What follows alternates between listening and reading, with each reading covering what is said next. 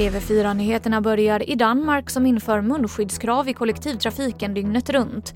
Det här kommer att börja gälla om en vecka meddelar regeringen under en pressträff. Och kravet kommer efter att landet sett en ökning av smittspridningen. Västtrafik riskerar att förlora en miljard kronor i år på grund av coronapandemin. Orsaken är framförallt färre resenärer men även bristen på inkomster från böter. Och mer om detta finns att se på tv4play.se.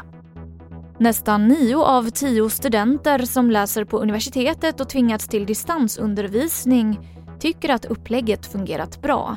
Detta enligt en ny studie från Örebro universitet som SVT rapporterar om.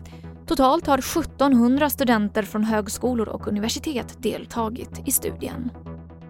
Och vi avslutar i Australien där en 56-årig man miste livet och han träffades i bröstkorgen av en hoppande fisk. Mannen var ute och fiskade tillsammans med familj och vänner när fisken tog ett skutt ur vattnet och kastade sig in i sällskapets båt. Enligt en lokal fiskare så tros det ha varit en 18 kilos makrill. Det här rapporterar ABC News. Och det var det senaste från TV4 Nyheterna. Jag heter Emily Olsson.